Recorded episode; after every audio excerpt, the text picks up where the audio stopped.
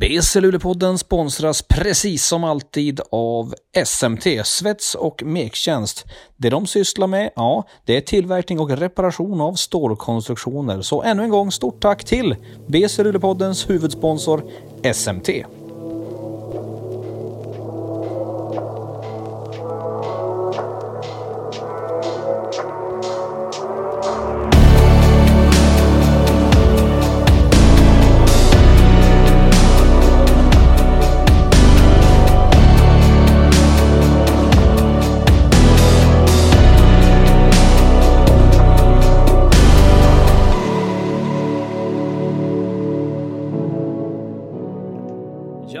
Där basketvänner och varmt välkomna till ett nytt avsnitt av BC Luleå-podden med mig Max Wik. Idag saknar vi David Keso Nilsson. Han sitter och gömmer sig. Antagligen så laddar han för SM-finalspelet med Luleå Basket.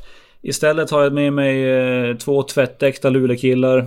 Eh, Bryce Massamba och eh, Jeffrey Taylor. Jättekul att ni båda är med. Välkomna! tack, tack. Tack. Vi kan ju börja med dig Jeff. Hur, hur, hur är läget?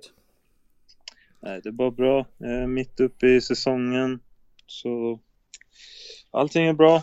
Kroppen, jag har lite ont i kroppen men allt som allt så livet är bra. Ja. Hur, eh, hur är livet i Madrid mitt under coronapandemin? Eh, alltså det... Alltså vi har ju utegångsförbud från eh, klockan 11 till klockan 6 på morgonen. Eh, så allting stänger ju skapligt tidigt.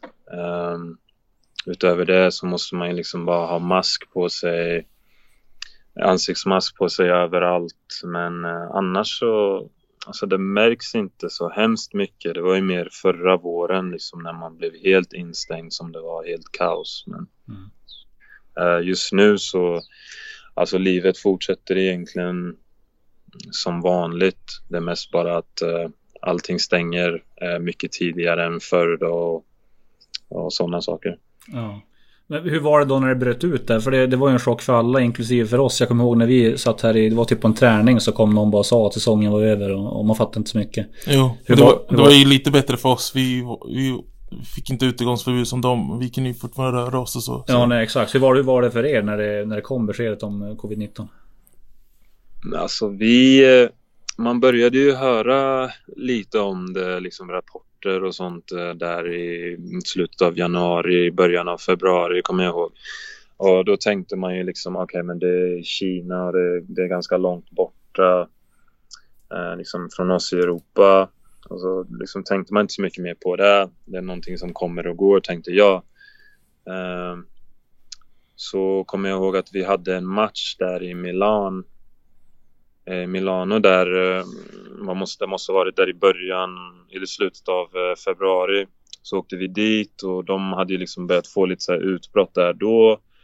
Så kom vi tillbaks till Madrid efter matchen och då testade en av mina lagkamrater positivt och sen efter det så bara började liksom alla nedstängningar och alltså det var helt kaos och sen sitta instängd där i nästan två och en halv månad från eh, mars till i mitten av maj. Det var liksom en av de sjukaste upplevelserna i mitt liv. Liksom det känns nästan som man har lite så här eh, eh, trauma från det. Alltså, men på riktigt alltså. Så här, Ja. PTSD typ. Alltså Mm. det var helt, eh, det var helt kaos. Alltså man, liksom att få alla sina rättigheter, alltså mänskliga rättigheter och liksom kunna röra på sig fritt och allting sånt. Alltså få dem borttagna. Det var ju så, så skum känsla och sen samtidigt också liksom inte veta när man skulle få gå ut igen och när man skulle få liksom börja kunna få röra på sig som vanligt igen. Alltså det var, det var sjukt. Mm. Och så satt ni där och väntade också. Ni fick ingen besked om eh, era säsong heller. Var det inte så? Nej, det var ju det också att vi visste ju inte. Vi visste ju inte om Euroleague skulle alltså, spelas klart. Vi visste inte hur de skulle spela klart spanska ligan. Alltså det var så mycket som var oklart. Jag tror det var det som, eh, som stressade mest. Att man satt där och inte visste när, när liksom den här karantänen, strikta karantänen skulle ta slut. Man visste inte om man skulle vara tvungen att spela liksom halva sommaren. Liksom det, var, det var så mycket på samma gång. Det var sjukt. Mm. Vad, vad sysselsatte du dig med när du, var, när du fick vara instängd i två och en halv månad? Alltså jag hade ju fullt upp. Jag, alltså, jag har ju två små, små tjejer som eh, eh, tar mycket energi då och eh, så jag hade ju liksom fullt upp med dem. Mm. Men det är, liksom, det är svårt när man har två, två små tjejer att inte kunna gå ut och liksom de får, får springa av sig och mm. liksom bli av med energi och så. Så det var, det var tufft och jag vet inte, man eh, sysselsatt, man kollar mycket på Youtube. Eh, kollar tv-serier, spela datorspel och sådana saker utöver, utöver att vara med barnen. Mm. Så är det. Jag vet ju att eh, ni två, eh, Bryce och Jeff, är goda vänner sedan länge. Men eh, berätta lite grann, hur lärde ni känna varandra? För att eh, jag vet ju att Bryce är från Linköping, du är från Norrköping. Det är inte lite rivalitet däremellan? Ska jag berätta eller ska... Ja, ja, ni, kan, du, ni kan berätta tillsammans. Alltså, i, fast egentligen inte, alltså, inte någon så här rivalitet eftersom Linköping typ eh, inte så bra på basket rent, rent historiskt. Mm, men ja, det är sant. Bryce är typ den enda som har, Bryce och hans bröder är väl de enda som har fast, fast jag måste bara säga en sak. Jag har aldrig förlorat mot Jeffrey. När vi har spelat mot honom.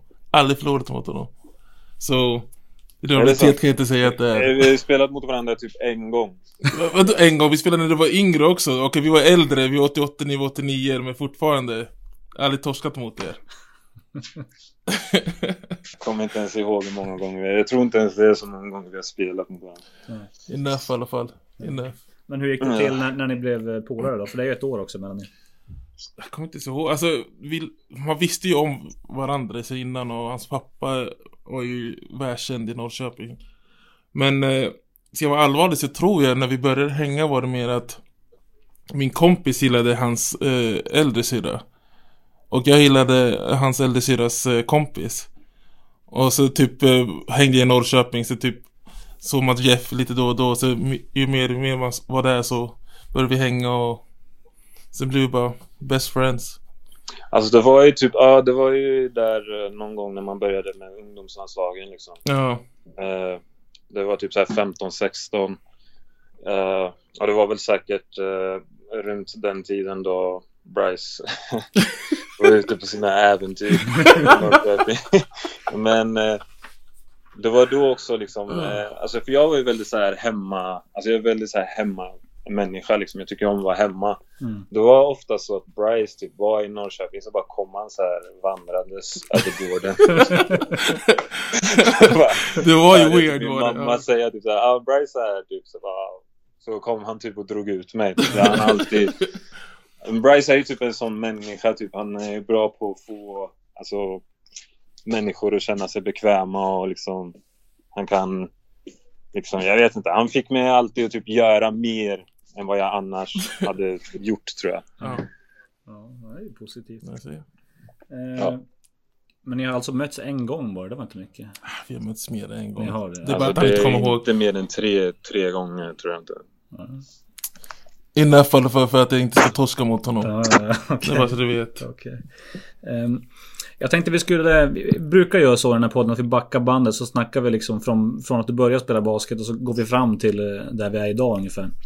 Eh, och eh, vi vet ju alla att du kommer från en eh, i Sverige väldigt känd basketfamilj liksom. Och, hur tidigt började du spela basket? Var det på en gång eller? Var, föddes du med bollen i vaggan eller hur var det? Alltså jag, min pappa var alltid så här att han eh, han har liksom aldrig liksom pushat mig att uh, spela basket. Utan jag har alltid liksom fått välja att göra det själv. Så jag har liksom aldrig så här, fått en basketboll liksom, uh, given till mig eller liksom så här, känt att jag har varit tvungen att spela. Så det var typ, jag tror det var, jag började spela när jag var typ sex. Och så spelade jag typ eh, något år, sen slutade jag typ i något år också. Och sen så började jag spela igen när jag var typ 8-9 och sen därifrån så, så har det liksom bara fortsatt. Okej. Okay. Höll du på med någon annan sport också eller var det bara basket?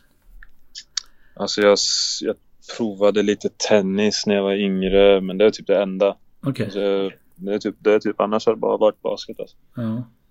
När började du känna att du hade lite talang då? När började du inse det?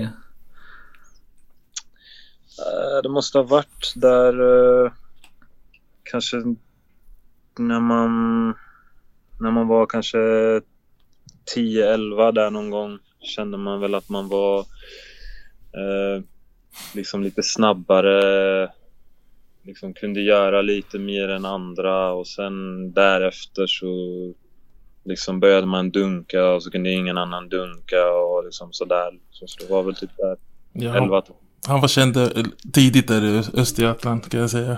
Man visste vem Jeffrey Taylor var så. Jo, han var, han var duktig när han var yngre. Det gick snack alltså. Gick snack men du vet, ingenting jämfört med Young Bryce. Men Bryce, Bryce stack ifrån eh, Östergötland så tidigt liksom. Han, Ja, var ju, han åkte ju till eh, Södertälje där. Så. Ja. Men, ja, men alltså jag var, jag, var väl, alltså jag var väl ganska duktig där när jag var yngre och så, liksom, så började man dunka och så, så blev det hype och allt sånt där. Men det var väl typ där 13, 14 någon gång kände Mm. man väl att man, eh, man var ganska bra. Mm, mm. jag hade inte dragit för Östergötland om eh, basgymnasiet i Haga hade öppnats. Det öppnade året efter jag drog. Okej. Så då hade vi säkert spelat i samma lag jag och Jeff. Ja. Då, hade du, då, hade, du- då hade du inte kanske suttit, inte, suttit här nu. Nej, Vem vet. Eh, men jag tänker, jag har inte stenkoll på exakt hur ungdomsmodellen sett ut i Norrköping. Men jag vet att det har funnits två olika lag. Eh, du är från NUBF eller? Ja, alltså jag är NUBF helt rakt igenom. Alltså. Det var... Alltså det var... Jag började faktiskt i Dolphins. Nej, så här var det. Jag började i NUBF. Sen så bytte jag till Dolphins i typ två år. Sen så gick jag tillbaks till nubb. Och sen så var jag med dem liksom fram till så att eh, jag tror de slog ihop eh, verksamheterna liksom. Mm. Men eh, ja, alltså jag var... När jag var med nubb och vi var där i typ sjuan, sjuan, åttan där. Då, alltså, då var vi väldigt, väldigt bra. Jag tror det var liksom eh, ett, två år där vi inte förlorade en match. Liksom vi var väldigt, väldigt bra. Men var det förbjuden övergång när man höll på att gå, gå över mellan NUB från Dolphins? Eller var det rivalitet? Eller hur, hur var det? Nej, de ville, alltså det var väldigt, det var faktiskt väldigt stor eh, rivalitet där. eh, Alltså två, tre år. För de hade, alltså Anton Sax, Anton Sax spelade ju i, i Dolphins. Och de hade också en ganska bra grupp med spelare som var liksom jämnåriga. Så vi, alltså vi, ja, alltså det var, det var ändå ganska bra ungdomsbasket där ett tag i Norrköping. Mm, mm. Men var, hur bra var ni nationellt? Var ni i Scania Cup och, och lirade där och sånt eller? Alltså jag, jag har typ sagt till Bryce förut att jag, en av sakerna som jag liksom ångrar mest var att vi aldrig fick chansen att spela i Scania Cup för eh, alltså Nubf och, och Dolphins de har ju alltid haft en så här påskturnering som går typ samtidigt. Så de vill inte släppa iväg oss. Okej. Men eh, jag tror om vi hade fått spela där, om vi hade fått spela Scania Cup när vi gick i sjuan där så hade vi nog vunnit tror jag. Okej. Men det hade varit kul, det hade varit kul att se om vi liksom, hur det hade gått för oss där. För Det Mm. var väldigt bra. Ja. Men jag som har Luleå-glasögon glasögonen på mig måste ju fråga om de har du mött något Luleå-lag någonsin? Luleå Steelers eller Höken? Eh, vi spelade USM mot eh, Steelers någon gång tror jag. Hur gick det? Eh, vi, eh, jag tror de vann. Vi spelade typ, det var någon så här omgång i eh, Sundsvall typ. De vann tror jag. Det var de hade ju, typ- vad heter Christopher Ryan. Sen, Alex Pettersson. ja, Alex Pettersson. Honom spelade ju med i ungdomslandslaget också. några år. Just det. Mm. De var ju, de var ju ganska bra också faktiskt. Ja, jag får för mig att det var en ganska bra årgång där. Och så när de fick upp eh, Krille från eh, 90 också så. Pinsamt att förlora mot ett Luleå-lag som ungdomslag. Det är allt jag hör att säga.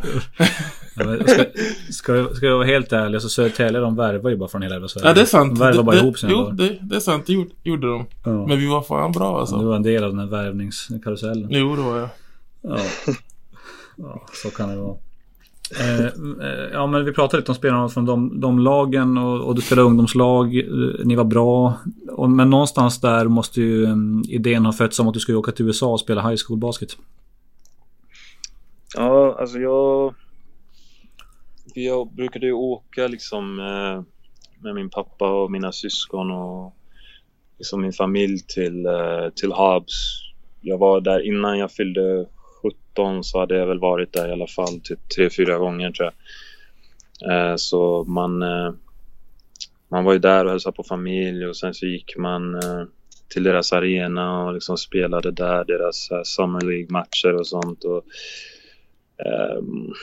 man liksom gick igenom liksom, och såg alla så här troféskåp och allt sånt där. Så man, man hade ju alltid så här en, eh, en nyfikenhet om att liksom få åka dit och spela och liksom se hur, hur det var att gå på high school och allt sånt. Det, det tror jag ändå att eh, ganska många svenskar har. Alltså, man liksom man vill veta hur det är att gå på high school och gå på college och sådär. Så jag var alltid lite nyfiken och jag hade ju liksom lättare, lättare, och lättare för att göra det eftersom jag hade min pappa och min familj där. Så alltså det var någonting som jag alltid ville prova och så, så gjorde vi det bara när jag, när jag fyllde 17. Mm. Det var en ganska, ett ganska bra val för dig med fast i hand också. Det känns som att det, ja, det, det föll ut ganska väl. Ja, alltså det, det gick bra. Alltså det var en väldigt eh, bra upplevelse både på och utanför plan. Eh, Hubs, Hubs High School är ju liksom så här eh, eh historiskt sett väldigt så här eh, stor eh, basketskola. Um, alltså de får typ tre, tre och ett halvt tusen på varje hemmamatch. Um, så just på det sättet var det väldigt roligt och sen uh, alltså Taylor-namnet i den stan är ganska stort på grund av min pappa och hans bröder. Liksom han har typ eh, fem, sex bröder som också spelade där.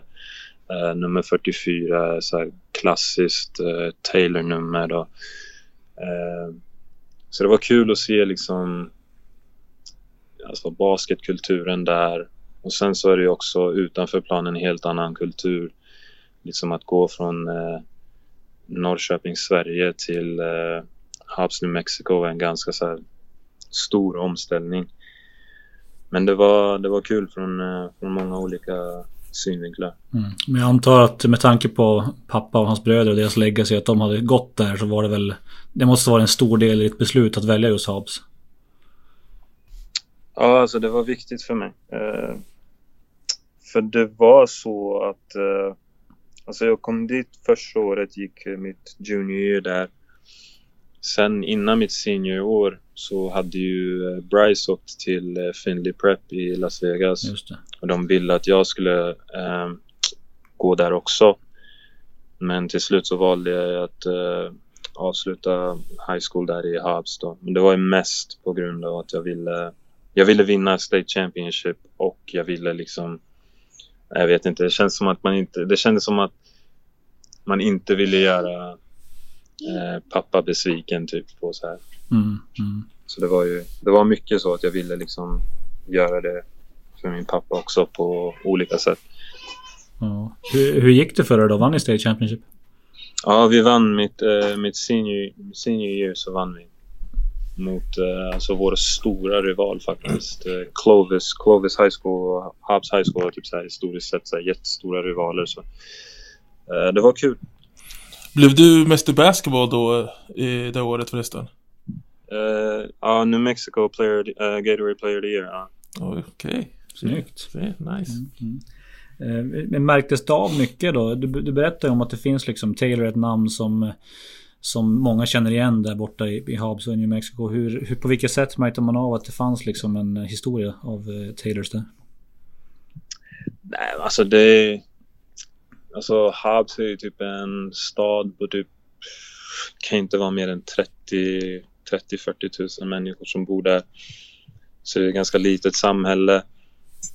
Men med liksom jättestor basketkultur så alltså de, eh, de dör ju för basket. Så det, jag vet inte, man märker det på liksom, att man går till affären så är det folk som kommer fram till en och liksom vill att man ska skriva på något eller liksom ta ett kort eller liksom att...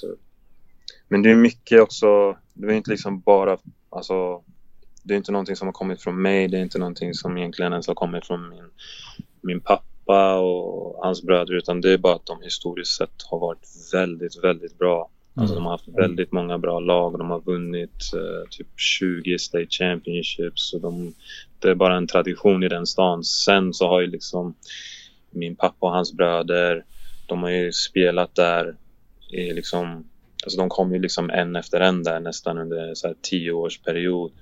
Så de liksom byggde ju liksom en tradition utav att eh, vår familj hade för, nummer 44 och att de gjorde liksom så att vårt familjenamn där liksom blev en grej och sen så kom jag då ja, typ nästan 30 år efter min pappa och eh, ja, gjorde väldigt bra ifrån mig också. Så. Mm. mm. Det är häftigt. Du berättade ju såklart om när ni vann State Championship. Har du några andra särskilda minnen som sticker ut från high school-åren? Uh, alltså just uh, State Championship var ju liksom definitivt höjdpunkten. Uh, alltså jag skulle säga det är höjdpunkten. Sen allt annat liksom bara gå i high school och liksom som jag sa, liksom av planen allting. Det är en upplevelse i sig. Men höjdpunkten var definitivt State Championship. Mm, mm. Och efter det, du måste ha haft lite olika anbud att ta ställning till kan jag tänka mig för att gå till collegen. Hur, hur var hela den processen? Eh, det är intressant. Alltså det, det, är roligt att ta så här college visits och liksom åka runt och träffa nya människor och sånt. Men jag, alltså, jag åkte ju till, alltså jag var jättenära på att gå till Gonzaga, eh, Texas. Eh, Alltså UNLV var ju där. Jag tog en visit till UNLV. Visit ihop ja. Hade vi. Ja. Så det var ganska roligt. Ja, vi hade, det var, vi hade skitkul där faktiskt. Men det var typ därför jag också bara, nej jag kan inte gå här. det kommer vara för roligt. nej men det var, det var smart gjort av honom faktiskt så. Ja, jag, jag kan inte gå i skolan i Las Vegas. Alltså. Mm. Vissa kan inte det, vissa kan det. Så är det, men det är bara så. Så är det. Ja, ja, visst. Köper det. Men eh, ja, alltså jag var ju, alltså, man hade ju, det var en ganska lång lista av uh, college-lag. Man, Gonzaga, Texas, UNLV var ju de som var ganska högt på listan. Sen så kom Vanderbilt in ganska sent. Så blev det ju så att jag valde dem. Det var liksom, alltså jag, jag, jag diggade deras coacher och sen så hade de ju, året som jag skulle komma in så hade de typ fem sex uh, seniors som skulle lämna. Så jag visste då också att eh, det skulle finnas chans att eh, liksom komma in direkt och, Få och spela. Ja, det, det, det, var typ där som... Eh, det var mest där för mig som eh, var en stor, stor del av mitt beslut. Mm. Och du fick eh, mycket speltid på en gång va? Ja, alltså jag spelade, jag tror jag spelade, jag startade typ varenda match i min eh, collegekarriär förutom en. Mm. Okej. Okay. Det är bra record. Mm. Ja. Var, men hur var collegeupplevelsen då? Det blir som ännu större att komma från Habs eh, till Vanderbilt. Eh, det känns som att det, det blir riktigt stort när man börjar komma upp på den, den nivån. Hur var det? Ja, alltså vi spelar ju i SEC så det är ju alltså, väldigt, eh, väldigt många bra lag. Alltså väldigt stor konkurrens. Alltså, alltså, alltså det var, det var skittufft. Ja, det är ju just... det är rankade lag. Typ, alltså varenda lag typ rankade. Alltså ja, högt rankade. Det, så, ja. ja, det och sen liksom även de som är liksom på botten. Om man inte spelar bra just den dagen så kan man förlora ändå. Liksom. Så det, det är typ inga lätta matcher. Um, och eh, alltså akademiskt så är ju Vanderbilt, eh, alltså nicknamet för Vanderbilt är ju, vet inte, the Harvard of the South. Så det är ju alltså, alltså väldigt så här högt ansedd eh, skola rent akademiskt också. Så det var, det var tufft liksom kombinera studier och liksom spela på den nivån också. Så det, men det var en bra upplevelse. Mm. Lära sig mycket om eh, disciplin och eh, förberedelse. Mm. Vad, vad tog du för din degree för någonting? Eh, sociologi. Okej. Okay. Just det. Men eh, ja, det är klart. Jag kan tänka mig när man är... Det är ju som att vara basketproffs och plugga på heltid samtidigt liksom nästan. Mm. Ja, exakt. I tiden man lägger ner. Ja, exakt. Uh, Hur, eh, hur var liksom livet runt om basketen, campuslivet? Där man, jag kan tänka mig att basketlaget är ändå liksom stjärnor där. Ja, alltså just på min skola så var ju, alltså oftast eh, så är ju liksom amerikansk fotboll en så väldigt eh, stor grej på många college. Men eh, min skola, vi, var, vi hade aldrig ett bra amerikanskt fotbollslag så alltså vi var typ the show. Mm. Och eh, vi var väldigt bra också. Liksom, vi hade, de hade haft typ tre, tre år innan mig hade de varit väldigt bra och sen när vi kom in så liksom fortsatte vi. Så vi, alltså vi fick ju typ 14-15 tusen på varje match. Mm. Det, var, det, var, alltså det var väldigt kul faktiskt. Ja, det förstår jag. Har, nu vi, vi pratar om minnen, är det något särskilt som sticker ut? Någon, något ögonblick som du minns lite extra? Eh, alltså det måste ju vara när vi spelade eh, conference-final mot eh, Kentucky och, och vann då. Så Mm. vi vann SEC där mitt eh, senior år mot Kentucky när de de vann, vad heter det, The National Championship vann de det året. Fan. Så de var, alltså det var när de hade Anthony Davis och Michael Kidd Gilchrist och liksom alla dem, så de var väldigt bra. Mm. Så, alltså, man har liksom man har spelat mot många, många bra spelare, speciellt liksom alla Kentucky-lagen. Ja, ja. Alla Kentucky-lagen som har spelat mot de åren var liksom så här bara wow. De hade liksom John Wall, Eric Bledsoe, eh, DeMarcus Cousins, Anthony Davis.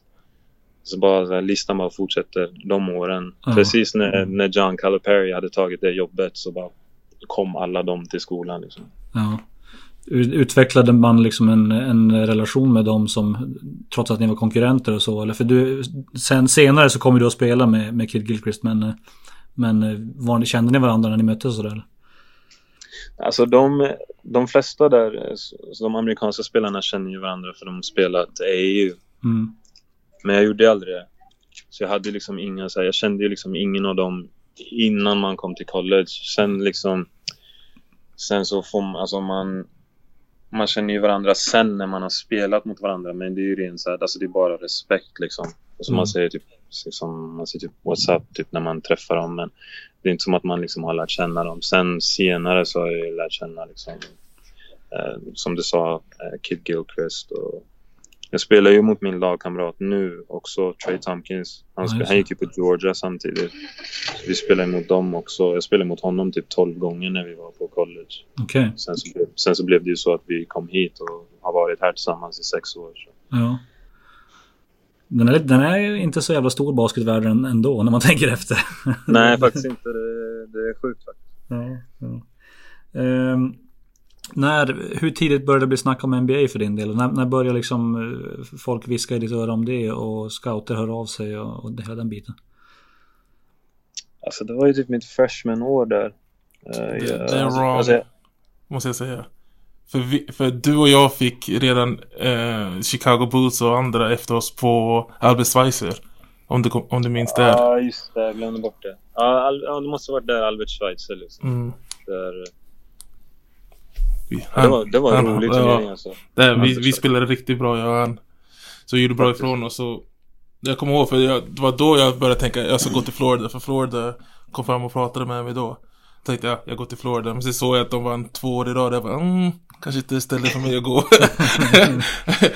och sen eh, Jocke Linde kom fram till mig och sa Chicago Bulls. Och så var det typ Detroit Piston. Eh, väldigt intresserad i dig och Jeff och sådana saker. Så efter det visste jag typ, okej, Jeff.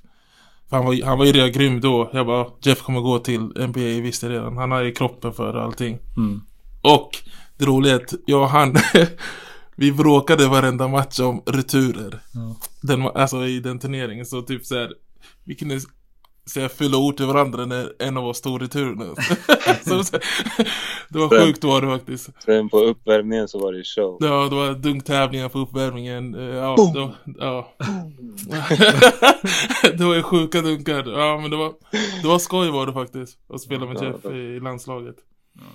Hur, Så redan då, när unga, så vet jag att eh, NBA Scout var efter honom. Men det, vi måste ju fråga där då. Vem hade bäst eh, bounce av dig och Young Bryce? Jeff? eh, alltså, Jag måste säga, han hade two leg eh, bounce. Det hade inte Ja. jag, jag hade one leg. Okej. ja, okej. alltså det... Jag vet faktiskt inte för Bryce... Grejen är att Bryce har ju väldigt långa armar, han har stora händer. Så jag vet inte om det spelar in på liksom hur hans dunkar såg ut. Så Jag vet inte liksom om man var tvungen att mäta så här hans vertical och min vertical. Men Bryce one-legged one-legged jumping Bryce när han var yngre var it was impressive. Jag kan ge honom det. Jag kan ge honom det. Han kan få ett, ett Äntligen, få. äntligen. Ey, ge mig också att jag dunkar på det också. Kan jag bara få den också?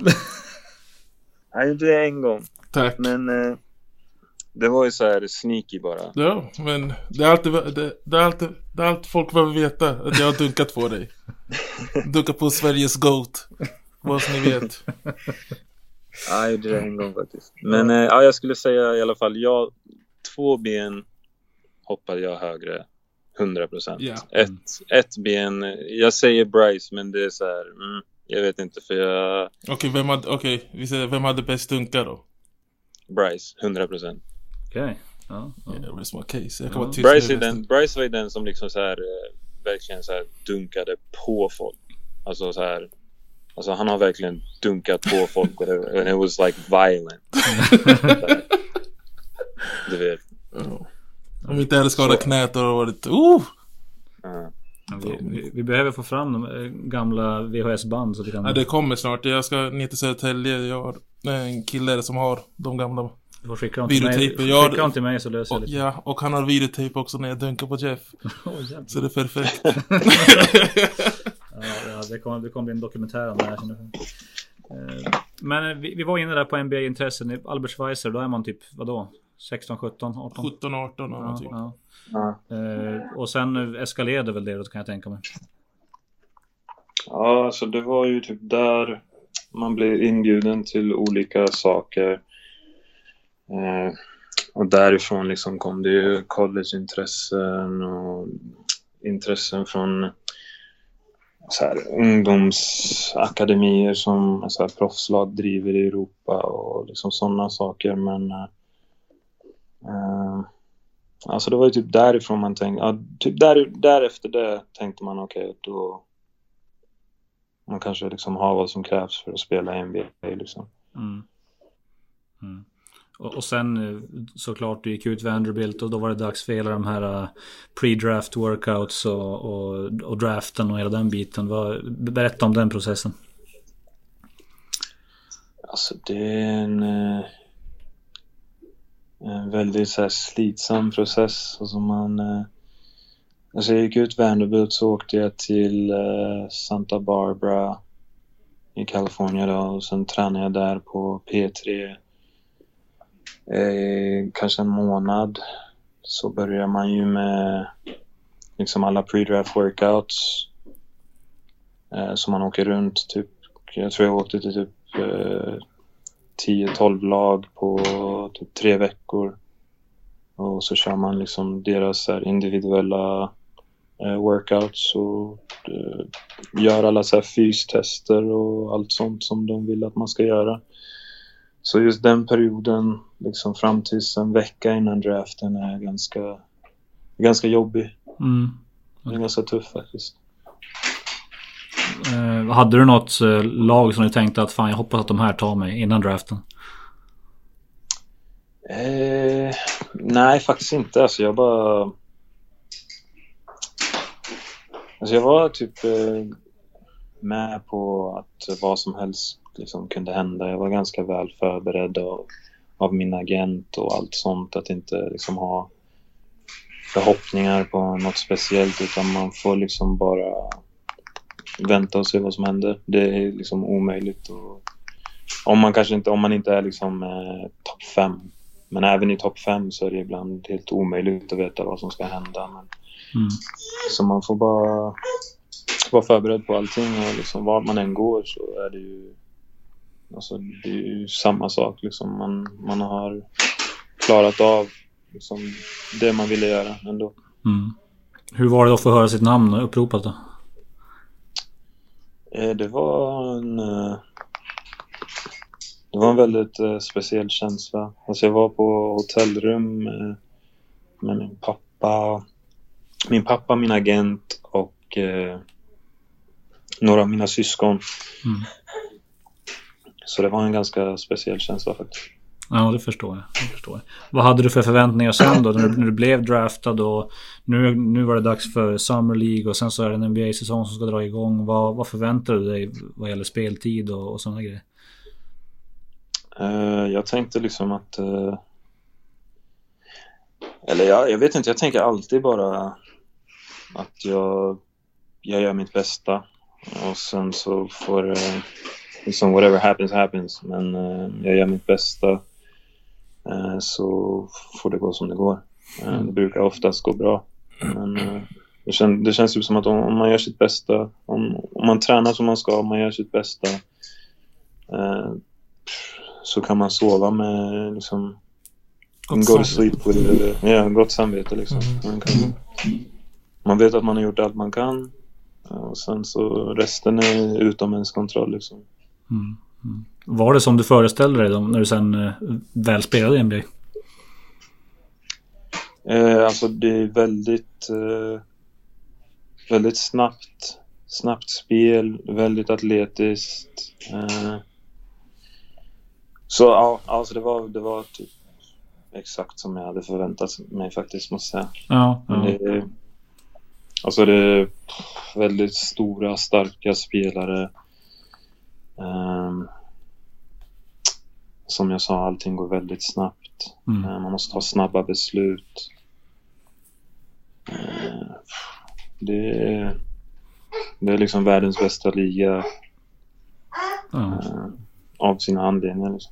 Ja, och helt, helt plötsligt är man, en, är man en ung kille som tjänar, börjar tjäna massa pengar också. Det, det är den eh, liksom övergången i livet också. Tänker jag. Ja, verkligen. Men eh, alltså vi, jag, jag har alltid haft, eh, eller jag har haft samma agent hela min karriär men eh, de gjorde väldigt bra jobb utav att liksom förbereda mig och hjälpa mig genom hela processen. Och, eh, eh, så det, det var liksom inte så många överraskningar Nej. för min del och sen så hade jag Alltså jag har alltid haft eh, väldigt bra lagkamrater och eh, Alltså när jag var yngre då så var det, hade jag väldigt bra veteraner som liksom pratade med en och tog hand om en och liksom var, var bra på att vägleda en liksom. Mm. Mm. Eh, och i Ch- i Charlotte där har vi ju Michael Jordan såklart som är involverad i hela den or- organisationen. Eh, vad, hur mycket har du träffat honom och vad har ni för relation? Eh, Alltså när man spelar där så träffar man honom ganska ofta. Han brukade komma och kolla på träningar och matcher och så.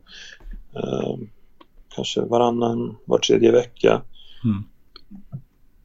Så alltså han är han är liksom eh, om, om alla som alltså det är, alla har ju liksom sett eh, The Last Dance. Mm. Alla såg hur han var där. Mm. Eh, liksom han pratade och liksom han drev med folk och allt sånt. Det är exakt så han är. Okej. Alltså, och han är liksom Michael Jordan så liksom vad, vad liksom kan man säga till han? Liksom det, är, det är samma, alltså, det, det är så. Man kan prata om hur du spelar, eh, alltså allt liksom och liksom vad, vad ska man svara? Liksom, det, han är så, han är liksom rolig, han driver mycket. Han bara skiter i. Alltså han har typ inget filter, han bara säger vad han tänker liksom. Ja, ja. Häftigt. Det måste vara, om jag själv hade varit i den sitsen och liksom träffa Jordan och stå och snacka lite skit med honom på basketplanen. Det hade ju känts helt surrealistiskt. Hur, vad tyckte du att det var? Alltså det gjorde det de första gångerna liksom man träffade honom då. Det var bara wow typ. Ja, Men eh, efter ett tag så, som allt med livet, så, så vänjer man sig liksom. Ja. Och då, sen som man lär känna honom och ju mer man pratar med honom så, så märker man liksom att han är han är en, en människa precis som du. Eh, En, helt, en helt annan människa men eh, eh, en människa så som vi alla är. ja. Men eh, på tal om The Last Dance, vad tyckte du? Eh, jag tyckte det var bra. Ja. Jag har kollat på den typ tre, fyra gånger. Ja. Jag tyckte det var skitbra. Ja. Häftig inblick i... Fanns det någon igenkänning då från, från att vara i en NBA-organisation till det man såg där? Även om det är ganska många år emellan liksom. Ja, fast alltså de... Eh, du, saker och ting var ju väldigt annorlunda där på 90-talet liksom. Mm. Mm. Sitter ju, alltså Mike, Michael Jordan sitter och röker cigarrer liksom omkring sig. Dennis, Rod, Dennis Rodman är med pyjamas på träningar och allt. Ja. Liksom. Det är väldigt annorlunda nu för tiden. Ja. Eh, lite grann kanske. Sen så var ju de väldigt speciella just i att de hade vunnit så mycket. Och när man vinner mycket så får man ju lite mer friheter liksom också tänker jag. Ja. ja. Det var ingen som dök upp med pyjamas på Charlotte träning Nej, precis. Inte, inte, det är inte sånt som händer när man vinner typ 20 matcher på en säsong. Nej, nej, nej exakt. Eh, Men eh, jag, jag tänker på säsongen 13-14. Då, då hade ju du, tittar man statistiskt så har du, gör du din bästa säsong i NBA då. Eh, och då kommer en skada också. Eh, en Mm. tuff skada. Vad, vad, hur, hur var det att tackla den motgången mitt under en, liksom när det gick som bäst kan man säga för dig personligen? Alltså det var tufft. Eh, Det kändes som att jag hade byggt upp eh, så väldigt eh, eh, väldigt mycket momentum där liksom, det började liksom med Summer League och sen de europeiska mästerskapen där i Slovenien och, och sen så hade jag börjat säsongen väldigt bra så det var, det var väldigt tufft faktiskt. Mm. Alltså det kändes väldigt så här oturligt att det skulle hända precis då. Eh, jag vet inte. Alltså jag... Alltså man var väl typ så här... Alltså på något sätt kanske lite så här deprimerad. Men det var ju mest bara för att en akillesskada är så jobbig att, eh, att liksom ha att göra med. Mm. Alltså, man blir ju liksom så... Alltså man kan inte röra sig. Man kan Nej. inte, alltså, det är nästan tre månader utan att, utan att kunna röra sig. Sen så skadade jag också min högra hälsena och det gjorde ju att jag inte kunde köra bil själv heller. Okej. Så Ja. då var man ju liksom... Jag tror folk glömmer eh, hur bra offensiv du är egentligen. För den sommaren, League, var ju, var ju jag och Thomas där och kollade på dig. Mm. Och du vann ju alltså skytteligan där och vann i EM. Jag tror folk glömmer hur bra offensiv, eller jag gör inte det men folk glömmer, de tänker bara Jeffrey defensive player tänker de typ. Men folk glömmer Ja. ju mycket hur bra offensiv du var verkligen. Det har ju typ... Alltså det har ju blivit mycket så nu när man har varit i, i Madrid så här många år. Ehm, och eh, alltså här i Madrid så har vi så många bra eh, offensiva spelare och de hade liksom ett sätt att spela på innan som de liksom hade vunnit allting med Mhm. innan jag kom. Vad liksom det enda sättet att eh, spela sig in i ett lag som redan har spelare och ett sätt att spela på som har gjort att de har vunnit allting. Det enda sättet att ta sig in i ett sånt lag är att liksom kolla på hela Look at the whole picture. Och sen ser du, hmm, hur kan jag hjälpa dem? Hur kan jag hjälpa dem att bli ännu bättre? Mm -hmm. Eh, det är inte, då kommer man inte in från utsidan och eh, gör 15-20 poäng per match. Liksom. Utan man, man gör det man behöver göra för att hjälpa laget att vinna. Man, eh, man fixar sig en roll. Och sen så gör man det. Alltså det, det, det är det sättet jag alltid har opererat på. Eh, alltså det, men självklart, man har ett ego. Man, eh, vem skulle inte vilja göra 15-20 poäng per match? Liksom, det, Mhm. det är självklart. Men eh, om man kan eh, om man kan komma över det och se helheten och så tänker man, okej vad värderar jag mest? Liksom, vill jag vinna? Vill jag vinna titlar? Vill jag liksom hjälpa det här laget att komma till en ytterligare nivå? Eller vill jag gå någon annanstans där jag får skjuta, skjuta bollen 15-20 gånger per match och Mhm. göra 20 poäng per match men kanske inte vinna någonting och bara liksom hamna i en så här eh, ostabil miljö där man spelar för fem, sex olika lag på sju år. Liksom. Mhm. Så man får liksom eh, eh, välja liksom vad, vad man vill göra, hur, hur man vill att ens karriär ska gå. Liksom. Och jag, jag, jag vet inte, som du säger, jag har alltid liksom kunnat göra poäng. Jag har alltid haft eh, liksom, den rollen i alla lagen jag har varit i. Liksom. Jag gjorde typ 2000, nästan 2000 poäng när jag spelade i Vanderbilt. Jag är all time leading scorer, high, eh, High School History. Det gjorde jag på två år. Som du sa, jag vann skytteligan i EM och Summer League och allt möjligt. Men Mhm. eh, man Mm. måste kunna liksom man måste, you, you have to be able to get over yourself. Ja, men det visar bara att du är en bra teamplayer också. och Du inte bara tänker på dig själv, du tänker på laget också. Jag tänker på bara att jag vill vinna. ja, det är sant. I like to win. Ja. I just like to win. Yeah.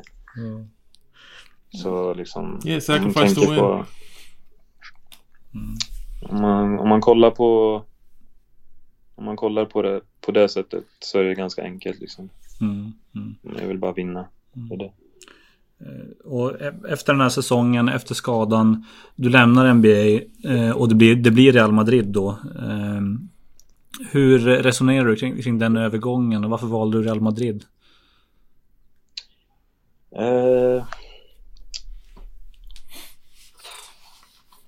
alltså det, de kom eh, ganska sent. Eh, I, typ i juli. Så innan de kom med sitt bud så hade jag liksom haft kontakt och till och med flugit till Las Vegas och träffat eh, Maccabi Tel Aviv. Eh, men eh, jag vet inte, alltså det, jag valde Madrid alltså, på grund utav eh, liksom eh, den, den vinnande kulturen de hade här. Alltså det, det var ju som jag sa, liksom, året, året 2014-15 så vann de allt.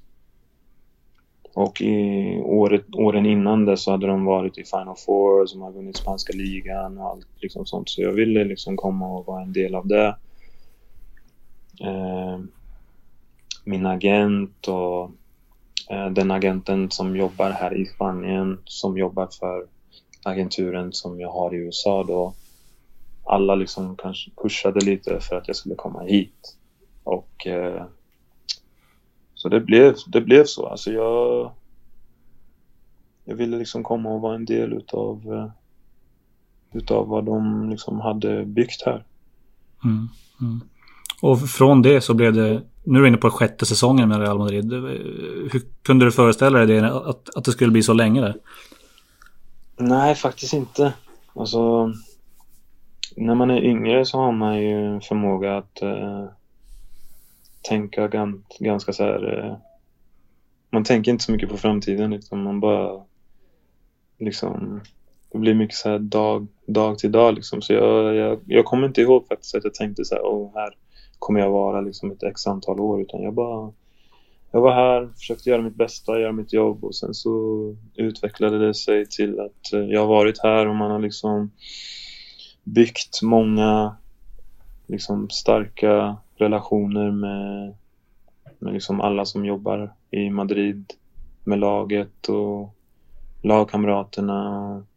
Vi har liksom en kärngrupp av spelare som har eh, gått igenom mycket tillsammans. Vunnit mycket, förlorat vissa stora matcher, vunnit många fler stora matcher. Så eh, man har liksom ganska starka starka, starka band, starka, starka relationer här. Mm. Eh, och jag menar, vi är inne på det, sjätte säsongen nu, nu är du den utländska spelaren med näst flest matcher i klubbens historia. Det är ju, hur, hur ser du själv på den bedriften? Ja, nästan, nästan 400 nu. Eh, det är en... Eh, alltså om, ska, om jag ska vara helt ärlig så är det en ganska stor bedrift för det är inte så lätt att eh, att vara kvar i ett sånt här stort lag så många år. Alltså det Alltså dels för att man alltid har liksom press på sig att vinna, press på sig att prestera och, och sen så är det ju så att det, liksom, det finns ju mycket pengar så det kommer ju alltid liksom finnas pengar om man tar in nya spelare och det kan bli så att man bara liksom faller bort. Så för att liksom hålla sig kvar i, i gruppen, hålla sig kvar i liksom rotationerna och allting. Det, det krävs väldigt mycket faktiskt. Uh, så det betyder liksom att man, uh, man har gjort sitt jobb. Och mm att det uppskattas utav uh, de som tar besluten om vem som ska vara kvar i laget. Mm. Och, med det sagt, du pratar om att du värdes, mycket du värdesätter att vinna titlar. 11 stycken har det blivit va, med Real Madrid. Ja. Det är ju ett, ett hyfsat bra facit får man, kan man ju lugnt säga. Vad, vilken värde sätter du själv mest? 100 procent eh, Euroleague-titeln. jag sa ju det. Jag sa Euroleague. alltså, det, för, alltså, det, alltså det är så svårt att vinna. Alltså det måste, alltså jag, jag, jag kan säga det, det är den svåraste titeln i basketvärlden att vinna. 100 procent. För att man och jag förstår att NBA-nivån, alltså nivån på basen där, är, den är högre. Den är högre, de har bättre spelare överlag. Men för att vinna där så spelar du ändå alltså, sju matcher. Och eh, oftast i en, i en serie där man spelar sju matcher så vinner det bästa laget. Mm. Det händer inte alltid, men oftast. I Euroleague spelar du en hel säsong och sen så spelar du en playoff på fem matcher och sen så går du till en final four där det är one game elimination. Mm. Och en match, en match kan vad som helst hända. Så vi har haft år vi har haft år här där vi... Det var ett år vi vann typ 30 matcher. Alltså förlorade bara typ två matcher på hela säsongen. Mm. Så vann vi lätt playoff-serien mot Darussafaka. Så åkte vi till Istanbul och fick alltså... Fick stort stryk av Fenerbahce. Mm. Alltså Fenerbahce hade vi slagit två gånger det året. Men alltså just den dagen så spelade vi inte bra. De spelade skitbra och så hela säsongen borta liksom. På grund av en match. Mm. Så just på det sättet på grund av liksom hur upplägget är med Final Four, att det är en match så är det, tycker jag att det är otroligt svårt. Mm. Och sen liksom, det finns så många bra lag, många bra spelare. Så ja, jag tycker att en, en Euroleague-titel eh, eh kan kännas eh, ibland alltså nästan omöjlig att vinna. Så den är väldigt svår. Mm. The GOAT, ser du? Mm. Jag säger, han är Swedish GOAT, det är för han vann det. Ingen är bättre. Men eh, föredrar du det upplägget då? Att man har lite mer, det, är lite, det blir lite mer bäddat för upsets när man, man har på det sättet? Alltså jag tycker det är kul. Uh, alltså jag skulle, alltså jag skulle inte säga att de ändrar någonting med det. Alltså jag tycker upplägget är bra som det är. Mm, mm. Uh, men det som du såg det här året liksom, det Alltså, det var liksom tio lag som konkurrerar om åtta slutspelsplatser. Mm. Och de åtta lagen som är med i playoffsen, alltså vem som helst av dem kan vinna. Mm. Speciellt om det bara är en match liksom. Du behöver vinna en match, sen går du till final så behöver du vinna den också. Du, du kan ju vem som helst vinna mot vem som helst. Ja, det är faktiskt är coolt faktiskt. Framåt då i karriären. Eh, det här är sjätte säsongen med, med Madrid. Vad, vad, mm. vad tänker du i framtiden? Är målet att stanna kvar i Madrid? Alltså jag har ett år kvar på mitt kontrakt. Eh, så får man se vad som händer. Ja. Svårt att säga vad som händer i, i framtiden men... Eh, ja, man får se. Mm.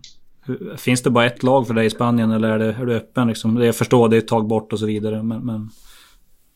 Hur tänker du? Alltså jag, jag tror i, i Spanien så skulle jag inte spela för något annat lag. Nej, nej. Förstår det. Har du börjat snegla på NBA igen? För jag vet ju att det var snack eh, för någon säsong sedan här om Houston Rockets till exempel. Uh, alltså de, eh, de var ju väldigt intresserade uh, där uh, sommaren där när vi hade vunnit Euroleague, 2018 där. Eh, men jag hade ju ett år till på mitt kontrakt och jag ville inte Alltså jag ville inte bryta det. Nej. Eh, Alltså jag vet inte, jag, jag är typ sådär. Alltså jag kände, jag hade, jag hade skrivit på och eh, då, liksom, då, var det, då var det det som gällde. Jag ville inte liksom komma och försöka fixa med buyout och allt sånt där. Liksom, Nej. utan Nej.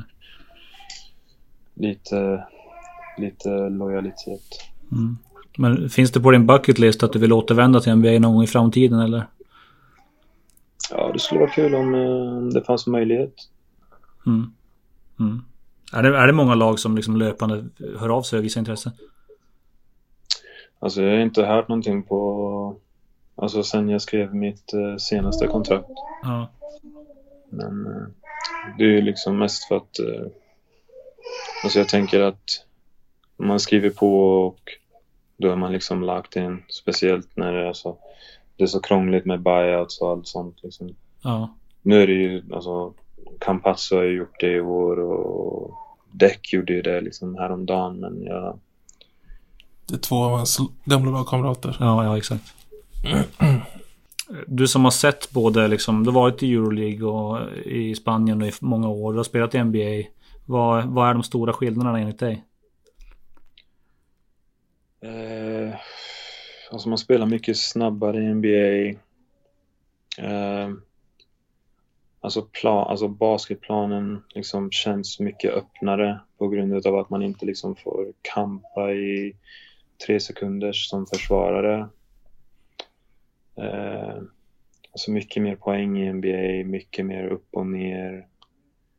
Eh, man spelar på ett mer eh, liksom atletiskt show showigt sätt liksom. Eh,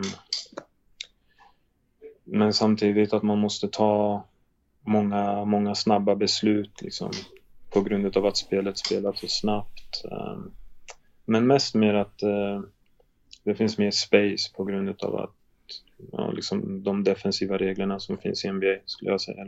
Mm, mm. Hur är det med resor och sånt? Är det någon skillnad tycker du?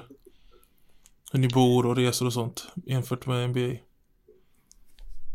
Alltså just för oss, eh, jag kan inte tala för andra lag i Europa, men just för oss så de tar hand om oss väldigt bra här. Vi reser mycket privatflyg och, och så. Och bor på bra hotell och så. Så just på det sättet så är det inte så stor skillnad från NBA för oss, säger jag då. Mhm. Men eh, eh, så nej, inte så stor skillnad här, just här. Men jag vet att det är skillnad liksom för andra lag kanske Europa. David Stern då som var commissioner i NBA tidigare. Han har ju, man har ju läst många intervjuer när han har pratat liksom om att expandera NBA med lag ut- utanför Nordamerika, till exempel Europa. Eh, Du som har varit i båda världarna så att säga. Vad tycker du om den idén? Är är liksom europeiska basketen bra nog för det? eller? Ja, alltså jag tycker ändå topplagen i Europa skulle nog kunna göra ganska bra ifrån sig. Mm. Eh, Men eh,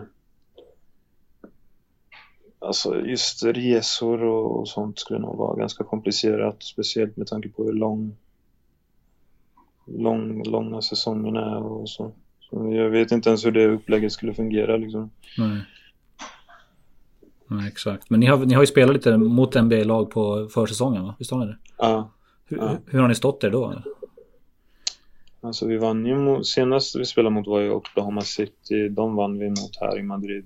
Mm. Men sen är det ju så att, eh, alltså, jag vet inte, alltså de roterar ju ganska mycket spelare in och ut just på försäsongen, NBA-lagen, men eh, vi vann då, de spelade ändå ganska många av deras liksom, bästa spelare. Sen så förlorade vi någon match, tror jag, mot Boston med typ 10-15 också. Mm. Mm. Har man liksom respekt för Euroleague-lagen eh, borta i USA och NBA? Det vet jag faktiskt inte. Jag tror alltså inte, kanske inte lika mycket som man borde ha, skulle jag säga. Mm. De kollar inte så mycket, alltså spel, alltså de menar spelarna kollar inte lika mycket på Euro, eller de Nej. kollar typ ingenting om inte är från Europa typ. Ja. Nej. Så de vet ju ingenting. Mm. För jag, jag tänker typ så här när, när Luka Doncic gick från, från er till NBA. Det, var, det kändes som att det var många som var chockade liksom. Bara, Oj shit, han kan ju spela den här killen. Men vad fan, han hade väl blivit Euroleague MVP precis innan. Alltså, Ja, precis. Det, hur, Alltså, hur, stor, hur stor överraskning kan det vara egentligen? Ja. Men det, alltså det, det, det har ju lite med att göra att, eh, att vissa europeiska spelare har blivit draftade ganska högt och sen har de gått dit och liksom inte gjort så bra ifrån sig. Mm.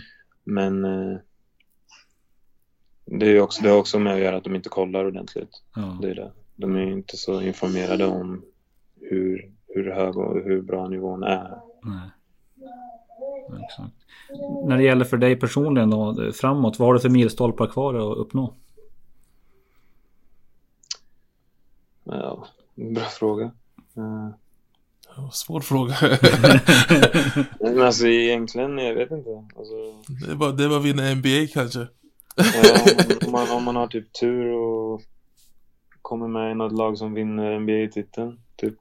Eller, eller komma till BC Luleå och vinna SM-guld. Där har du Exakt. Ja, alltså det är typ eh, SM-guld typ, Ja. eh, man skulle vilja vinna i så fall. Mm. Eh, annars har man inte vunnit det mesta. Mm. Vunnit titel i high school, titel i college, titlar här, Euroleague-titel. Vunnit har man gjort. Mm, mm. Men eh, jag vet att du har pratat lite med Norrköpings Tidningar angående framtiden och, eh, och kanske att avsluta karriären i Sverige eventuellt. Hur, resonerar du där? Eh, alltså jag skulle verkligen vilja avsluta karriären i Sverige. Alltså eh, jag skämtar inte om jag, jag vill vinna SM-guld. Alltså. Ja, jag har ju det i alla fall så du vet. Nothing new to me you know. Så nej, men jag skulle verkligen vilja göra det. Ja, Har Bryce på gång en kampanj eller vad är det som händer? Ja, kom, kom till BC så får du SM-guld. Du vet, jag som LeBron säger de här borta, vet du, jag, du vet, jag kan få ihop ett riktigt bra lag. Så det var komma, med Mosesson, vi fixar bra lön åt dig.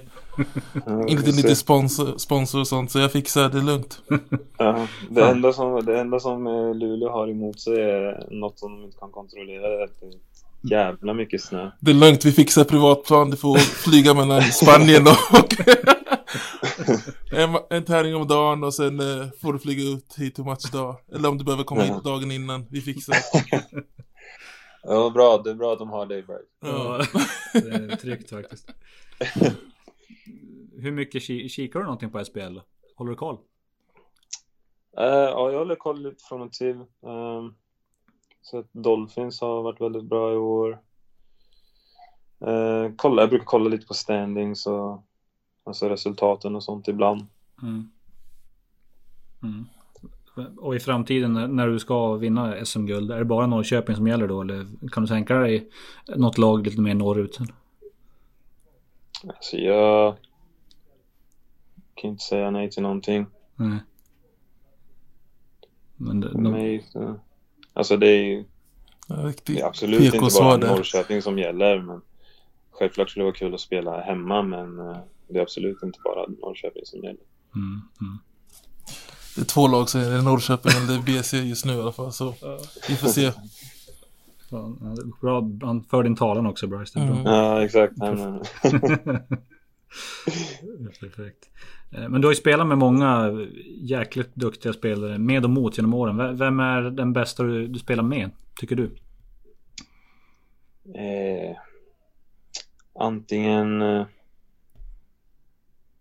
antingen Luka eller eh, Kemba Walker, måste jag säga. Mm. Visst, Kemba. Mm. Ja. Mm. Ja, Luka eller Kemba, måste jag säga. Ja. Hur var det att spela med Luke? Han var ju, han var ju jäkligt ung eh, när ni spelade tillsammans. Eh, det var kul. Eh, alltså vi... Alltså han och jag är väldigt så här eh, broderligt. En så här väldigt broderlig relation. Så det var roligt faktiskt. Vi hade väldigt, väldigt roligt tillsammans på och utanför plan. Mm. Alltså, man vet ju liksom hur otrolig han är som basspelare, men han är liksom en väldigt bra person också. Eh, väldigt rolig, pratar mycket, skämtar mycket. Så det var, det var skitkul faktiskt. Mm. Du, förstod du direkt ungefär att han skulle bli en triple double maskin i NBA några, något år senare? Ja, alltså det, sa, det, det faktiskt, Ja. det sa jag till eh, många sa- människor. Jo, det sa Alltså, du till mig också. Jag sa liksom, eh, alltså sätter man honom i en pick and roll situation i NBA med hur öppet golvet är där så kommer han liksom, han kommer bara leka. Mm. Och det, det var ju ganska bra spaning nu med fast i hand då. Ja, jag borde bli scout alltså. sant, sant. Eh, Men är det, är det du som är hjärnan bakom att han har följt eh, Mikko Rippinen på Instagram? Ja. Eller alltså han, eh, Mikko var ju hälsade på någon gång. Ja, sen så tror jag de träffades då liksom och snackade och så. Så vi är, nej men vi är... Nej, Mikko var bara en fanboy, ljug inte. Jag var också där, lyssnade, Mikko var där. Han gick fram till Luca, please follow me, I'm Jeffreys friend, please. Så var det. Nej. Låt mig hata på Mikko lite. nej men det var någon kväll de typ stod och snackade lite och så. Tror jag de blev lite boys. Ja, ja. Det, hör, det, det sägs att han har avföljt nu. Vi borde följa upp här lite grann vad, vad som har hänt. Om det blir någon skurelse mellan dem kanske. Mikko frågar efter skor för mycket, det är därför. Ja. ja, det kanske är det. Kanske är det. Mm. Eh, bästa spelaren då, Luka eller Kemba. Vem är bästa lagkamraten du haft? Alltså det är många alltså. Alltså jag har haft turen då i min karriär. Jag har haft väldigt många lagkamrater. Jag har varit, varit i många bra situationer när det gäller laget och spelarna som är i laget. Men eh, jag vet inte, alltså från Charlotte då, alltså Kemba är också, alltså ex, Kemba är väldigt lik Luka på många sätt. Så här, väldigt så här, roliga, trevliga, sköna människor. Eh, sen så hade jag eh, en spelare som heter Brendan Haywood eh, som var veteran då när jag kom till Charlotte som tog hand om mig. Alltså, väldigt bra, väldigt trevlig, rolig människa också. Eh, sen Luka Doncic då och eh, Trey Tompkins. Eh, Sergio Llull. Eh, väldigt bra vän också. Felipe Reyes som är våran kapten. Alltså det är väldigt många. Alltså jag, som jag sa, alltså det är väldigt... Alltså, jag kan inte säga att jag tyckte illa om någon av lagkamraterna som jag haft. Liksom. Mm. Mm. Eh, Vem har varit din största inspiration genom åren då? Eh, alltså 100 procent eh, min pappa. Alltså.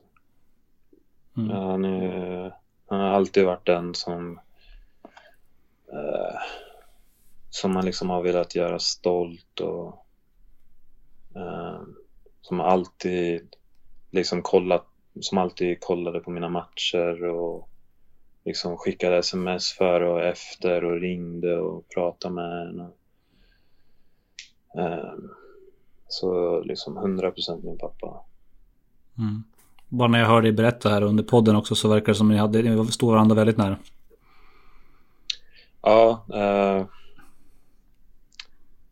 alltså i mitt liv, eh, speciellt eh, basketen, så har jag lämnat ett eh, väldigt stort hål. Ehm, det är väldigt, eh, det har varit väldigt annorlunda att liksom eh, spela utan att utan att han är liksom här i världen, utan att han liksom skickar sms och pratar med en liksom har saker att säga om och före eh, om matcherna, liksom före och efter och eh, jag vet inte, ibland eh, jag vet inte, ibland eh, känns det på riktigt som att han var typ så här, eh, så typ drivande kraft genom eh, hela mitt liv, typ som att jag typ alltid har velat eh, eller typ på många sätt har drivits framåt i basketen på grund av att jag ville göra honom stolt på många sätt. Så, Mm. eh, så det är tufft. Det har varit eh, liksom tufft år. Eh, Ja, kan jag verkligen förstå. Har, har det varit... Du har ju en ganska stor familj som du kommer ifrån. Har ni, har ni kunnat hitta stöd i varandra på ett bra sätt där kan jag tänka mig då? ja, absolut. Eh, liksom fem syskon och min mamma. Och, Så man eh, försöker hjälpa varandra genom, genom den tomheten då, som man har lämnat efter sig. Mm, mm. Ja, det måste vara jäkligt tufft. Jag, jag, jag beklagar verkligen. Tack så mycket. Mm. Eh, om vi går vidare då så, så vi har ju lite grann sammanfattat din karriär här nu med hittills med allt det du har vunnit och det du har åstadkommit och, och 11 titlar i Spanien och spel i NBA och eh, titlar på college och high school och så vidare. Och det skrivs ju inte så mycket om det kan jag utifrån uppleva liksom av nationell media och du har inte fått så mycket cred där heller. Vad, håller du med om den spaningen eller hur tänker du där? Ja, alltså jag... eh, Ja. Bryce vet jag väl. Nej, det är, ingenting, det är ingenting du kan göra egentligen. Det är ju... Nej, alltså jag, eh, jag känner så här. ehm, om jag ska vara helt ärlig så känner jag så här. Om jag hade... Om jag hade varit liksom... eh,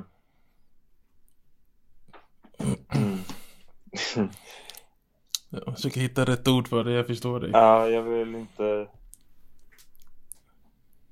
Jag säger så här, ja, ja jag tycker inte att eh, det skrivs så mycket. Jag tycker inte att det skrivs så mycket.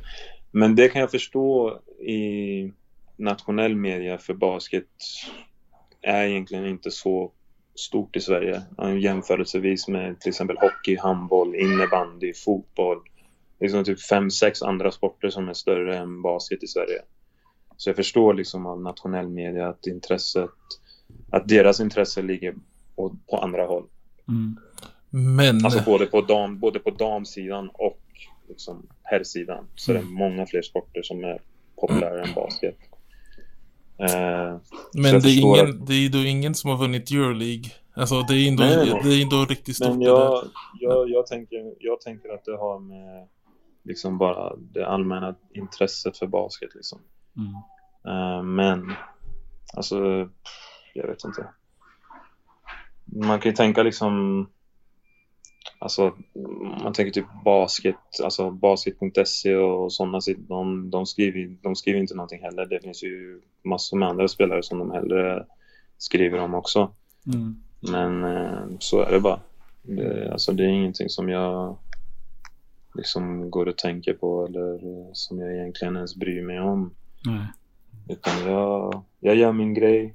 Jag, jag är här, jag krigar, jag försöker göra mitt bästa för mitt lag och eh, liksom för mig själv.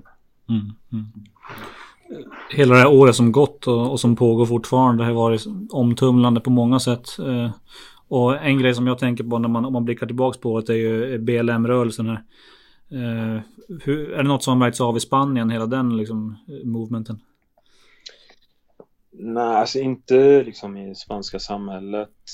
Alltså, men alltså, världen, världen är så liten eh, nu för tiden just på grund av social media. Så det är väl typ där man, man märker det mer. Eh, om man läser i tidningar och, liksom, och sådana saker. Men eh, just i Spanien så har det inte märkts av så mycket. Men det är mest eh, liksom, man märker liksom, liksom vad det skrivs i andra länder och liksom till och med i Sverige liksom vad det skrivs och allt sånt. Mm. Mm. Hur mycket har du följt debatten här i Sverige då? Eh, alltså det var ju...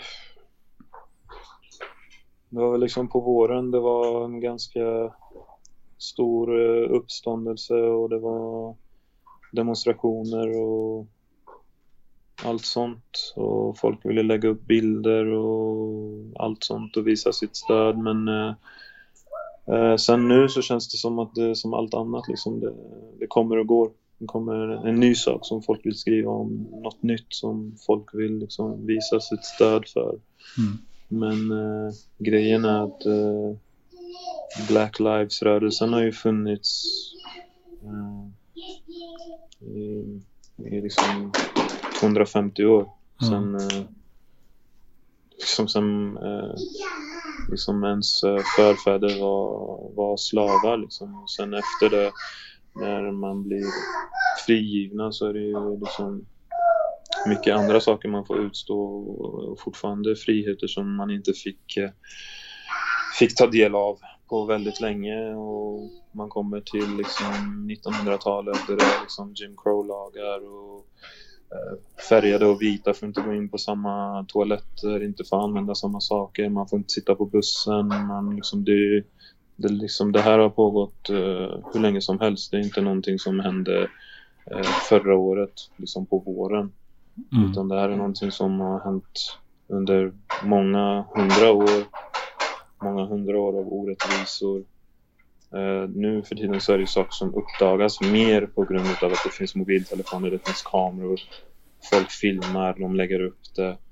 Så ja, då får man liksom sådana reaktioner men uh, för mig så startade inte Black Lives Matters-rörelsen som förra året utan det är någonting som alltid har funnits och det är någonting eh, som, man, som man alltid har varit del av på grund av att eh, liksom, om till exempel min pappa föddes i Blytheville, Arkansas. Liksom deep, deep south. Mm. Eh, det var liksom där min farmor växte upp, min farfar var därifrån.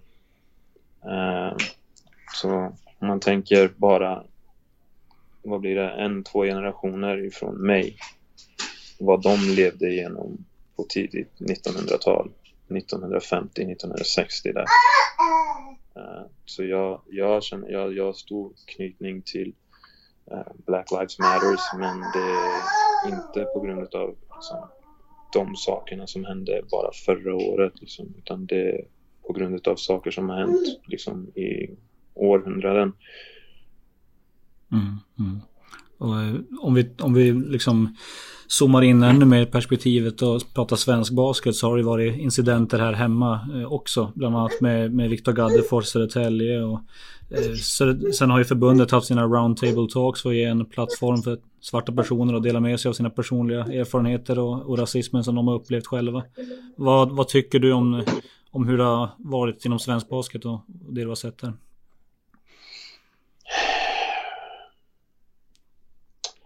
Alltså jag är ju inte världens största fan av eh, Svenska Basketbollförbundet och de som eh, tar besluten där.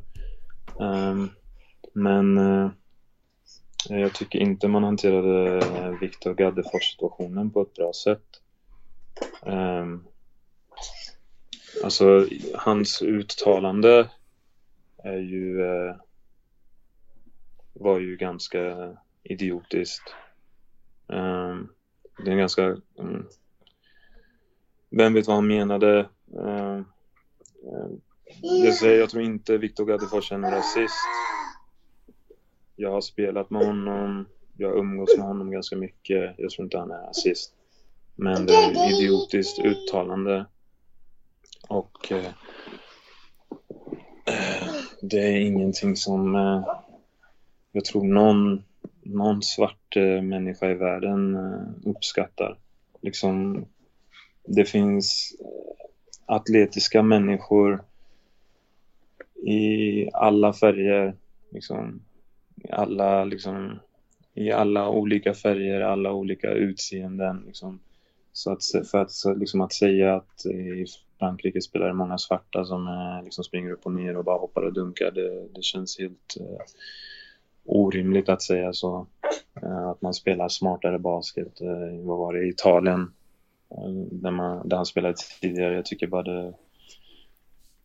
Liksom man behöver, liksom, vad mer ska man säga? Det alltså idiotisk sak att säga. Mm. Det är självklart att det upprör människor. Mm. Och det är väldigt så här, okänslig sak att säga och jag tycker att att svenska basketförbundet eller svenska landslaget borde ha stängt av honom. Alltså, mm, okej okay, att man gör misstag. Jag har också gjort mina misstag i mitt liv. Eh, som jag har fått betala för. På många olika sätt. Och eh, ett av de sätten jag fick betala för mina misstag i mitt liv är att jag blev avstängd från landslaget. Eller hur? Mm. Så man gör misstag, man står upp för det, man ber om ursäkt. då borde man kunna få gå vidare. Men man borde också bli, alltså på något sätt bestraffad. Det känns inte som att det var någonting alls som hände utav allting som, som, liksom, som han sa och liksom pågick. Och sen så, vad jag förstår så var det liksom inte hans första gång heller. Mm. Nej, det var ju en Så- eh, incident på försäsongen där också med Jämtland. Okej, så då liksom Så då, då är liksom min fråga till Svenska, Svenska Basketbollförbundet och Svenska landslaget Varför Varför blir han inte bestraffad på något sätt? Varför Liksom att, att, att ge ut ett så här Jag vet inte vad de De, de, de, det kändes som de copy-paste vad Luleå Basket skrev typ. ja, Och, och la ut, la ut. Att lägga ut något sånt där, det, det, liksom, det, liksom, det, gör, det, det gör ingenting. Det, det betyder ingenting för mig. Mm. Alltså, man gör någonting, och man säger någonting, då måste det finnas konsekvenser. Annars känns det bara som att de inte bryr sig alls. Har, du, har du själv någon gång inom svensk basket eh, upplevt det på annat håll? Rasism? Alltså, från mitt... Jag är en person... ehm, jag är en person... Jag har haft mina egna upplevelser inom svensk basket. Jag kan inte säga att jag har upplevt liksom liksom någonting sånt eller att någon har sagt någonting eller, eller något sånt till mig. Men om andra personer säger det så är det ju så. Det är det är ju liksom saker som de har upplevt, saker som de har fått sagt till dem. Mm. Jag rent personligen har inte fått någonting sagt till mig. Mm. Något annat som gjort eh, stort avtryck här i idrottsvärlden är ju nyligen när Zlatan Ibrahimovic eh, hade ett uttalande om LeBron James där och eh, att han tycker att idrottare ska göra det de är bra på och hålla sig till det ungefär. Har du tagit del av det här uttalandet och har du, har du några tankar kring det? Alltså jag blev typ... Jag blev sur när jag såg det för att... Alltså dels på grund av att jag är ett så här väldigt stort Zlatan Ibrahimovic-fan. Och... Eh, efter det så kändes det som att jag inte var lika stort fan längre. För att... Eh, just på grund av vad jag sa tidigare i vår konversation. Mm. Det här, människor, en, en, en svart man, en svart kvinna, en svart människa i USA. Liksom, det, det är generationer utav av orättvisor, generationer utav av saker som, som har hänt. Och det kan vara små grejer, man blir stoppad eh, av polisen eh, liksom for no reason, liksom bara för att, eh, till liksom stora saker, att man blir nedbrottad som, som vad heter han, Sterling Brown från Milwaukee Bucks blev. Om ni har sett den videon. Typ. Mm, mm, Liksom sådana saker. Liksom generationer av sådana saker ovanpå varandra som är liksom små till stora orättvisor. När du uppnår en position som LeBron James har.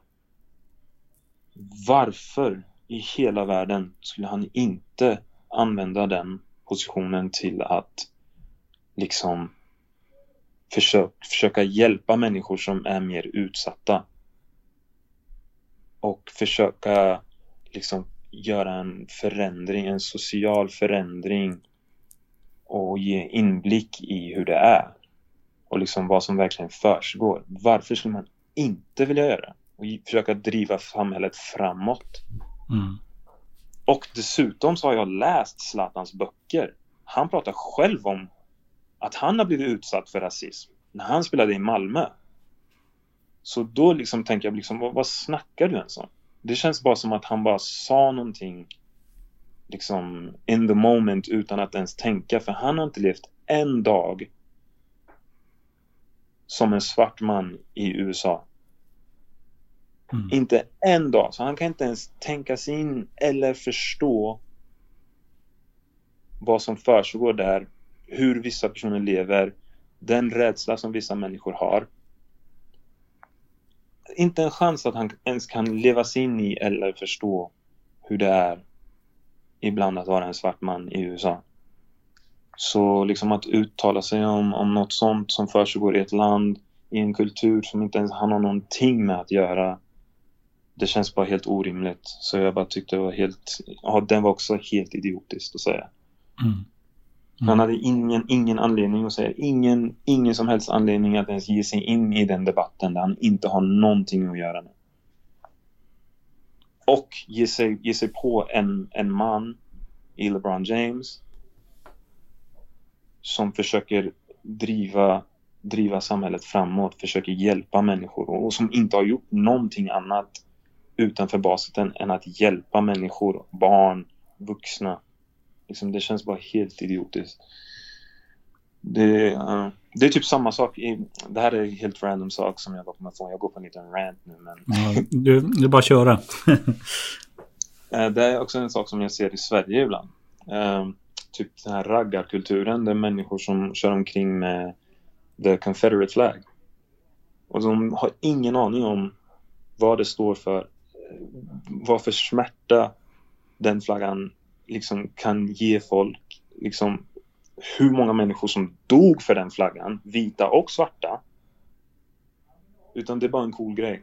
Och man, man ger sig in i en...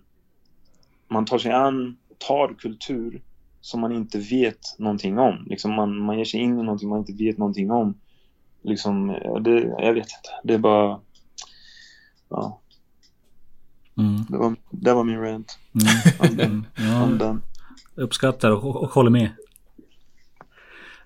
Vad säger du Bryce? Jo då. Alltså jag vill också ranta egentligen men det kan vi göra en annan gång. Det kommer fler poddar. Ja, med. exakt. Ja. Eh, sista frågan jag har är när kommer du hem till Luleå nästa gång? alltså hem också. hem till Luleå. jag kan säga, jag har faktiskt aldrig varit i Luleå faktiskt. Aldrig. Är det verkligen sant det här? Ja, det är sant, han har aldrig varit där. Han... Jag, har aldrig, jag har aldrig varit, eh, vad heter det, mer, mer norrut än Sundsvall. Han, han, skulle komma den här... Vi var i planen den här sommaren, alltså förra sommaren, men det blev ju corona ja. så... Då var det ingen skoj att komma upp hit.